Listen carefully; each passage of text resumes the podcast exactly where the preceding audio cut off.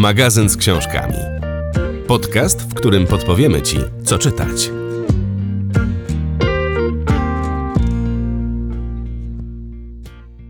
To już ostatni wtorek kwietnia, w którym witają się z Wami Jerzy Bandel i Maciej Januchowski. W związku z tym, że już e, za kilka dni będziemy odpoczywać podczas majówki, oczywiście ta majówka tegoroczna będzie nieco inna niż w poprzednich latach, w związku z tym, że jesteśmy w większości w domach, ewentualnie możemy wyjść do parku albo lasu, to przygotowaliśmy dla Was propozycję spędzenia czasu w majówkę razem z książką, a tych książek jest kilka. Każdy z nas przygotował po trzy propozycje z różnych gatunków i dla starszych, i dla młodszych czytelników, które powinny uprzyjemnić Wam nadchodzące wolne dni, więc mamy nadzieję, że każdy znajdzie coś dla siebie. A tym bardziej, że majówka już rozpoczyna się w piątek, więc tak naprawdę trzy całe dni czytania przed Wami. W takim razie może ja zacznę i zacznę od propozycji dla tych z Was, którzy lubią powieści historyczne, oparte na relacjach obozowych więźniów z Auschwitz. Nina Majewska-Braun, którą poznaliście w naszej recenzji w pierwszym odcinku magazynu z książkami, wraca tym razem z powieściami historycznymi właśnie. Bazując na opowieściach świadków zagłady i ich rodzin, w powieści Tajemnica z Auschwitz opowiada o Stefanii Budniak, kobiecie, która została zatrzymana i zesłana do obozu w zamian za swojego męża, partyzanta, którego Niemcom nie udało się pojmać. Z kolei w książce Anioł życia z Auschwitz pisze o Stanisławie Leszczyńskiej, położnej, która w obozie ratowała życie ciężarnych kobiet i odbierała porody. Autorka z właściwą sobie lekkością pióra opowiada wstrząsające historie, pokazując jednocześnie inne oblicze obozu niż to opisywane zazwyczaj. Nina Majewska-Braun opiera się na bogatym materiale źródłowym, który, jak sama mówi, wciąż podsuwa jej nowe wątki warte opisania.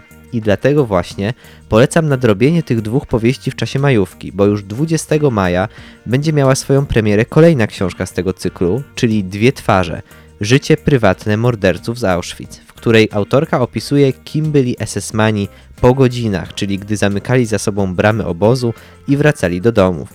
Wierzcie mi, że to szokująca książka, bo miałem już okazję ją czytać i rozmawiać o niej z autorką. Dlatego właśnie za tydzień będziecie mieli okazję posłuchać, co sama Nina Majewska-Braun opowiadała o nowej książce w wywiadzie. Sama zresztą zaprasza Was na tę rozmowę. Posłuchajcie. Kochani, podcast, magazyn z książkami. Serdecznie zapraszam do słuchania wywiadu ze mną o dwóch twarzach, ale nie tylko. Pozbierzałam się, poopowiadałam. Myślę, że dowiecie się kilku interesujących rzeczy i o książkach i o mnie, także serdecznie zapraszam. Pierwsza książka, którą polecam na majowy weekend, skierowana jest do młodzieży. Książka Hate Alana Gibbonsa. Jak sam tytuł wskazuje, mówi o hejcie, o zjawisku, z którym wielu, nie tylko z nas dorosłych, się spotkało. Dzieci i młodzież hejt dotyka bardzo mocno, a ta książka jest idealnym przykładem na to, do czego nienawiść może doprowadzić oraz jak wiele osób może skrzywdzić. To historia Eve oraz Antonego. Pół roku wcześniej dziewczyna straciła siostrę po tym, jak grupa rówieśników zaatakowała Rosji i jej chłopaka, a następnie dotkliwie pobiła parę. Rosji umarła, Antony z kolei był razem z tą grupą agresywnych chłopaków. Niczego nie zrobił, by powstrzymać ich przed skatowaniem innych ludzi. Teraz Eve i Antony spotykają się w szkole i przeżywają koszmar na nowo. Książka jest inspirowana tragiczną śmiercią Sophie Lancaster.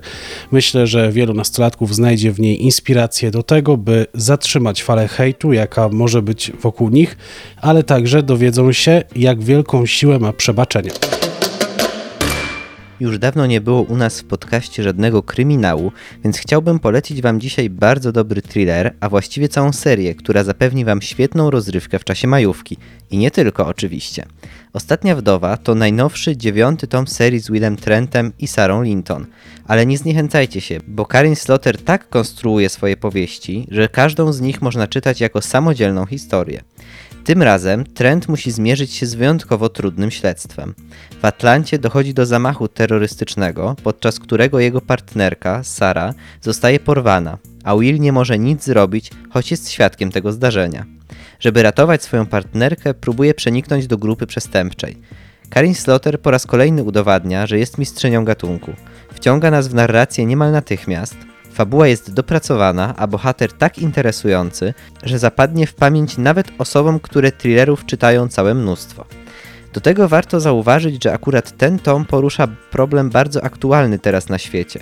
Grupa przestępcza, z którą ma do czynienia główny bohater, nie tylko porywa ludzi, ale też planuje wykorzystać zdobycze nauki do najgorszego celu stworzenia broni biologicznej. Ostatnia wdowa to wciągająca historia, która miłośników gatunku na pewno zadowoli. Syn pszczelarza i Syn biskupa. To dwie książki Kelly Irving, które polecam Wam do przeczytania w ramach cyklu W krainie Amiszów. Syn pszczelarza to opowieść współczesna, choć zarazem jakby z innej epoki. Życie toczy się tu wedle ściśle określonych reguł, nierzadko nam obcych, a ludzie dążą do prostoty i oddają się z pokorą codziennym czynnościom. To również opowieść o rozterkach i miłości wbrew wszelkim przeciwnościom losu. Z kolei akcja akcja syna biskupa dzieje się rok później. To kolejna podróż do malowniczego świata Amiszów, a tam Leila musi wybrać pomiędzy bezpieczną przystanią u boku Willa, a niepewną przyszłością z Jessem. Jest jeszcze trzecia część, której tytuł to Syn Siodlarza, jednak ze względu na obecną sytuację nie wiadomo kiedy zostanie wydana. Zdecydowanie warto docenić tu autorkę za prosty, przystępny, lekki język, ale ważniejsze jest to, że historia, którą stworzyła, którą wymyśliła, jest bardzo realistyczna. Bez większych oporów można byłoby powiedzieć, że to wszystko wydarzyło się naprawdę. To lektura dla tych, którzy szukają mnóstwa ciepłych emocji, ale i rozterek, a wszystko oplecione tradycją rodzinną, powinnościami i malowniczymi krajobrazami. Ostatnia książka ode mnie to może nietypowa propozycja na majówkę, ale mimo wszystko mam nadzieję, że kogoś z Was zainteresuje. W normalnych warunkach nie proponowałbym Wam na czas odpoczynku powieści o pracy w korporacji, ale teraz, gdy od tygodni siedzimy w domu, być może ktoś z Was tęskni za pracą. A poważnie mówiąc, linia szwedzkiej pisarki Elise Carlson to historia młodej kobiety, Emmy, która po okresie bezrobocia rzuca się w wir korporacyjnej pracy. Udaje jej się zatrudnić w prestiżowym wydawnictwie, zrobi więc wszystko, żeby tę pracę utrzymać. Tylko jakim kosztem? Jeżeli praca zajmuje Wam większą część dnia i nawet w nocy jesteście gotowi jechać do firmy na wezwanie szefa, to książka o Waszym życiu. Jeśli udało Wam się uniknąć takiego losu, powieść Carlson będzie świetnym ostrzeżeniem, by nie dać się wciągnąć w pracę bez reszty. Pisarka fantastycznie przedstawiła przemianę głównej bohaterki, w której życie, praca wrasta coraz mocniej, aż krok po kroku przejmuje nad nim kontrolę. Linia jest niepokojącym obrazem naszych czasów, bo teraz, gdy czytamy tę powieść, przed oczami staje nam biznesowe centrum Warszawy, po którym biegają ubrani w garnitury i garsonki przedstawiciele polskich i zagranicznych korporacji. To niestety książka również o naszym życiu, zaskakująco prawdziwa i aktualna dla każdego z nas. Lektura nie zajmie Wam dużo czasu, ale z pewnością historia Emmy zajmie na długo Wasze myśli. Na koniec jeszcze coś z działu poradniki. Jak się nie zabić i nie zwariować. To książka Justyny Suchanek. Dziewczyna znana jako Sukanek, youtuberka, influencerka, montażystka i fotografka. Opowiada ona o swoich problemach w dzieciństwie, które spowodowane były m.in. alkoholizmem. Nie jej samej rzecz jasna, ale problem nadużywania alkoholu był obecny w jej rodzinie, kiedy ona dorastała. Opowiada o zmaganiach z depresją, to jednak nie koniec. Rozwija temat o pobyty w szpitalach psychiatrycznych, autodestrukcyjnych myślach i uzależnieniu od miłości, a także o próbach samobójczych. Książka Jak się nie zabić i nie zwariować to przede wszystkim biografia autorki, może być jednak inspirująca i pokazująca osobom, które zmagają się z podobnymi problemami, że z tego stanu jest wyjście, jest szansa na lepsze jutro. Książka momentami wzrusza i skłania do refleksji. Autorka zwraca też uwagę na to, jak ważni w życiu dziecka czy nastolatka są rodzice lub opiekunowie, którzy będą dla niego wsparciem, nawet w najbardziej intymnych sprawach. Jak pisze autorka, najważniejsze, by nie zostawić dziecka z problemem. Jeśli chodzi o recenzję na dziś, to już tydzień temu obiecałem fantazy i to słowiańskie fantazy i słowa dotrzymuję. Marcina Mortkę na pewno dobrze znają zarówno młodsi, jak i starsi czytelnicy. Jego ostatnia powieść, Żółte ślepia, to historia, w której mam wrażenie świetnie odnajdą się dorośli fani fantastyki i ci, którzy przygodę z fantastyką słowiańską dopiero zaczynają. No dobrze, ale o czym tak naprawdę jest ta książka? Akcja dzieje się za czasów panowania Bolesława Chrobrego. To bardzo ciekawe czasy, bo Polska dopiero co przyjęła chrześcijaństwo i biskupi wciąż walczą z wyznawcami starych bogów. Jednym z nich jest główny bohater, zaufany obrońca Bolesława i członek jego drużyny. Sytuacja komplikuje się, gdy pewnej nocy, po powrocie z polowania, wszyscy mieszkańcy grodu znikają bez śladu. Medwid, główny bohater, z pomocą wiedźmy Gosławy próbuje ich odnaleźć. Wszystko wskazuje jednak na to, że trafili na bardzo niebezpiecznego przeciwnika i odnalezienie księcia może nie być proste. Czy autor podołał, jeśli chodzi o opis czasów pierwszych Słowian? No cóż, mamy w Polsce niedościgniony wzór, jeśli chodzi o opis dworu Mieszka I i Bolesława Chrobrego, czyli Elżbietę Herezińską. Mamy również niedościgniony wzór, jeśli chodzi o fantazję z motywami słowiańskimi, czyli Andrzeja Sapkowskiego. Ale powieść Mortki to 400 stron naprawdę rzetelnie przygotowanej i ciekawie obmyślonej historii. Motyw brutalnego starcia nowego boga i starych słowiańskich bóstw autor opisał wiarygodnie, a biskup Berwit to naprawdę czarny charakter. Dodatkowo, co bardzo mi się zawsze podoba w tego typu książkach, Mortka czerpał z mitologii słowiańskiej. Spotkamy więc na kartach książki wodniki, wilkołaki, iskrzaty, no i oczywiście wiedźmę, która jest łącznikiem między światami duchów i ludzi. Zresztą myślę, że najlepiej będzie, jeśli sami się przekonacie. Przygotowaliśmy dla Was fragment audiobooka, w którym usłyszycie, jak główny bohater mierzy się ze swoim pierwszym przeciwnikiem. Parskanie przerodziło się w ryk, głuchy i urywany. Kątem oka Medwid dostrzegł płową, wychudłą postać, która pędziła ku niemu, łopocząc kosmykami splątanego futra. Wiedział, co go czeka. Był gotów na unik. Stój! Dobiegł go odległy krzyk księcia, nie wiadomo do kogo skierowany. Zaklinam cię, zatrzymaj się! W imię Jezu Chrysta i... i... Medwid pozwolił sobie na krótki rzut oka za siebie. Książę pokonawszy lęk, biegł za nim z wyciągniętym przed siebie srebrnym krzyżykiem, darem od biskupa. Wojownik prychnął cicho. Uniósł młot. Nie zwalniał. Napastnik odbił się. Szybował przez chwilę, by spaść na ofiarę, jak to miał w zwyczaju. Medwid wyhamował, aż spod jego stóp strzelił mech. Zamachnął się młotem i uderzył w bok potwora po tym, jak ten wylądował na ziemi. Potężny cios, który zgruchotałby klatkę piersiową silnego męża, wyrzucił napastnika w powietrze. Stwór zakreślił łuk i grzmotnął plecami w pień sosny, która zadrżała aż po wierzchołek. Nie odebrało to potworowi zaciekłości. Żółte ślepia zaszły mu krwią, gdy rzucił się na medwida. Oszalały z gniewu i nie przywykły do tego, że ofiara stawia opór. Jego brudne szpony, pokryte zakrzepłą krwią, sięgały już ku medwidowej twarzy, gdy woj znowu zamachnął się młotem, tym razem trafiając kreaturę w tył głowy. Stwór, oszołomiony, padł na ziemię. Przetoczył się wśród traw i już chciał się zerwać, gdy młot medwida uderzył w niego ponownie. I jeszcze raz. I jeszcze. Dzikie warknięcia przerodziły się w skomlenie. Wciąż próbował się podnieść, gdy jego chude, żylaste ramiona przygwoździły kolana medwida, a ogromne dłonie woja zacisnęły się na gardle. W żółtawe, nabiegłe krwią oczy spojrzały inne, brązowe, przytomne, śmiertelnie groźne. Precz! warknął głucho medwid, tusząc przeciwnika. Precz, przybłędo, bo ci ogon wyrwę i w dupę trzonek młota wepchnę. Dla pewności dodusił go jeszcze, a potem wstał, lekko dysząc, i patrzył, jak jego przeciwnik, zataczając się, umyka przez las. Nie obejrzał się ani razu. Na bogów kosmaczu, co to było? wysapał wstrząśnięty książę. Nadal trzymał krzyżyk i zerkał to na niego, to znów na towarzysza. Wilkołak, burknął Medwid. Nie patrzył na Bolka. Bał się, że książę może odczytać prawdę w jego spojrzeniu.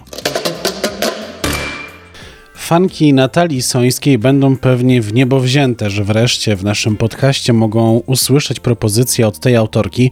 Na polskim rynku wydawniczym ukazał się czwarty tom serii Jagodowa Miłość. Ta część nosi tytuł Zawsze możesz na mnie liczyć. A przenosimy się oczywiście do życia Jagody, która w końcu jest szczęśliwa z Tomaszem.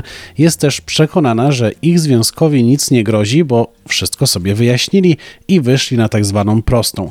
Jednocześnie kobieta zaczyna organizować pracę w Słodkiej. po tym jak przejęła cukiernię, musi zająć się dosłownie wszystkim, również nieopłaconymi fakturami poprzedniego właściciela. Jagoda próbuje wyprowadzić swój nowy biznes na prostą i haruje dniami i nocami, by tak się stało. Z kolei Tomasz również jest niezmiernie szczęśliwy z tego powodu, że kobieta zamieszkała z nim w jego domu i jest gotów zrobić wszystko, by ich szczęście było już wieczne.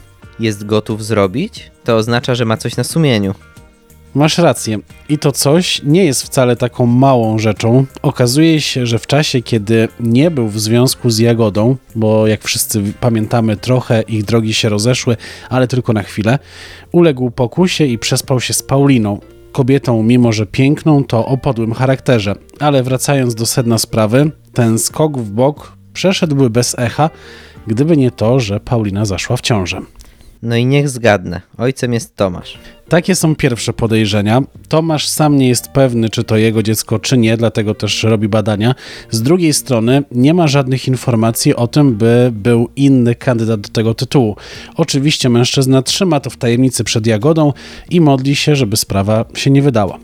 W przypadku Natalii Sońskiej nie możemy mówić o braku emocji w powieści. W jej książkach te emocje ukryte są w każdym elemencie. Nawet takie niepozorne rzeczy mogą cieszyć bohaterów. W tym przypadku zazwyczaj sernik lub ciastka wywołują u nich euforię. Może nie skaczą oni pod sufit z tego powodu, ale przyznają, że owe wypieki są dla nich umilaczami życia. Poza słodyczą płynącą z treści książki, wydawnictwo Czwarta Strona zadbało również o to, by apetycznie wyglądała okładka. Zresztą na okładce każdego tomu znajdziemy coś pysznego. To takie niewinne, ale skuteczne zaproszenie do lektury. Osobiście żałuję, że nie mam pod domem takiej cukierni. Mógłbym w przerwach pomiędzy rozdziałami zachodzić tam i kosztować tych wszystkich serników. Przyznam się, że ja już od dawna próbowałem wyciągnąć od Natalii Sońskiej informacje o tym, kiedy pojawi się kolejna część Jagodowej Miłości. Jedną z takich okazji było spotkanie podczas targów książki w Krakowie w zeszłym roku, pod koniec zeszłego roku, i wtedy Natalia trochę tajemniczo, trochę wymijająco opowiedziała o tej książce tak. Nie wiem, czy mogę zdradzać, czy, czy, czy nie zdradzać. Jest to kolejna część pewnej serii, więc y, może powiem w ten sposób. Wiem, że czytelniczki na nią czekają. Dużo e, emocji, uczuć, miłości. Także to, co ja lubię najbardziej. Trochę tradycyjnie, trochę po mojemu, ale jednak historia jest zupełnie inna niż wszystkie, więc polecam. No ale jak wiadomo, e, historia nie może się powtarzać w żadnej z moich książek, więc tutaj jest e, coś innego i myślę, że również spodoba się moim czytelnikom, którzy lubią mój styl. Warto na koniec dodać, że bohaterowie tej serii są ciekawie skonstruowani. Z jednej strony dobrzy, mili, tacy do polubienia, a z drugiej złoszczący się, skrywający tajemnice przed swoimi ukochanymi, czy wręcz ich oszukujący. Tom czwarty czyta się szybko, trzy, no może cztery duże kawałki sernika plus kilka kaw i lektura za nami. I to już wszystkie książki, które przygotowaliśmy dla Was w dzisiejszym odcinku. Wszystkie omówione przez nas pozycje i nie tylko te znajdziecie w ofercie księgarni internetowej virtualo.pl, dzięki której w bardzo szybki sposób na Waszym czytniku znajdzie się dana pozycja. Mamy też dla Was informację, która dla niektórych może być nieco smutna. Otóż za tydzień kończymy pierwszy sezon naszego podcastu. Dwa i pół miesiąca minęło jak z bicza strzelił. Za tydzień dziesiąty odcinek magazynu z książkami, a później zrobimy sobie krótką przerwę, po której mamy nadzieję bardzo szybko do Was wrócić. A w tym czasie sprawdzimy, jak nasze odcinki się przyjęły. Poplanujemy też, co chcielibyśmy zrobić w kolejnych odcinkach. Ewentualnie też możecie dać nam znać w komentarzach, co chcielibyście, aby się w podcaście zmieniło. Bardzo na Was liczymy i mamy nadzieję, że Wasze propozycje sprawią, że sezon drugi magazynu z książkami będzie jeszcze ciekawszy niż pierwszy. Ale na razie chcemy, żeby odcinek dziesiąty był wyjątkowy, dlatego ja przygotuję dla Was recenzję powieści Wierzyliśmy jak nikt Rebeki McKay, którą obiecywałem na początku kwietnia a także wywiad z Niną Majewską-Braun a propos dwóch twarzy, czyli życia prywatnego morderców z Auschwitz. Wierzcie mi, że będzie bardzo ciekawie. A ty Maciej? A ja tym razem spróbuję wcielić się w nieco inną rolę, czyli kobiety w ciąży i przedpremierowo omówię książkę Małgorzaty Rozanek-Majdan która nosi tytuł Świadoma mama, praktyczna wiedza i porady. Ta książka będzie miała swoją premierę 5 maja. Niewątpliwie żaden z nas nigdy jeszcze mamą nie był i prawdopodobnie nie będzie, więc nasza dyskusja na temat tej książki może być bardzo ciekawa. Liczymy, że posłuchacie. Nam nie pozostaje już nic innego, jak powiedzieć Wam tylko do usłyszenia za tydzień. Trzymajcie się, byli z wami jak zawsze Maciej Januchowski. I Jerzy Bandel. Pa! Do usłyszenia.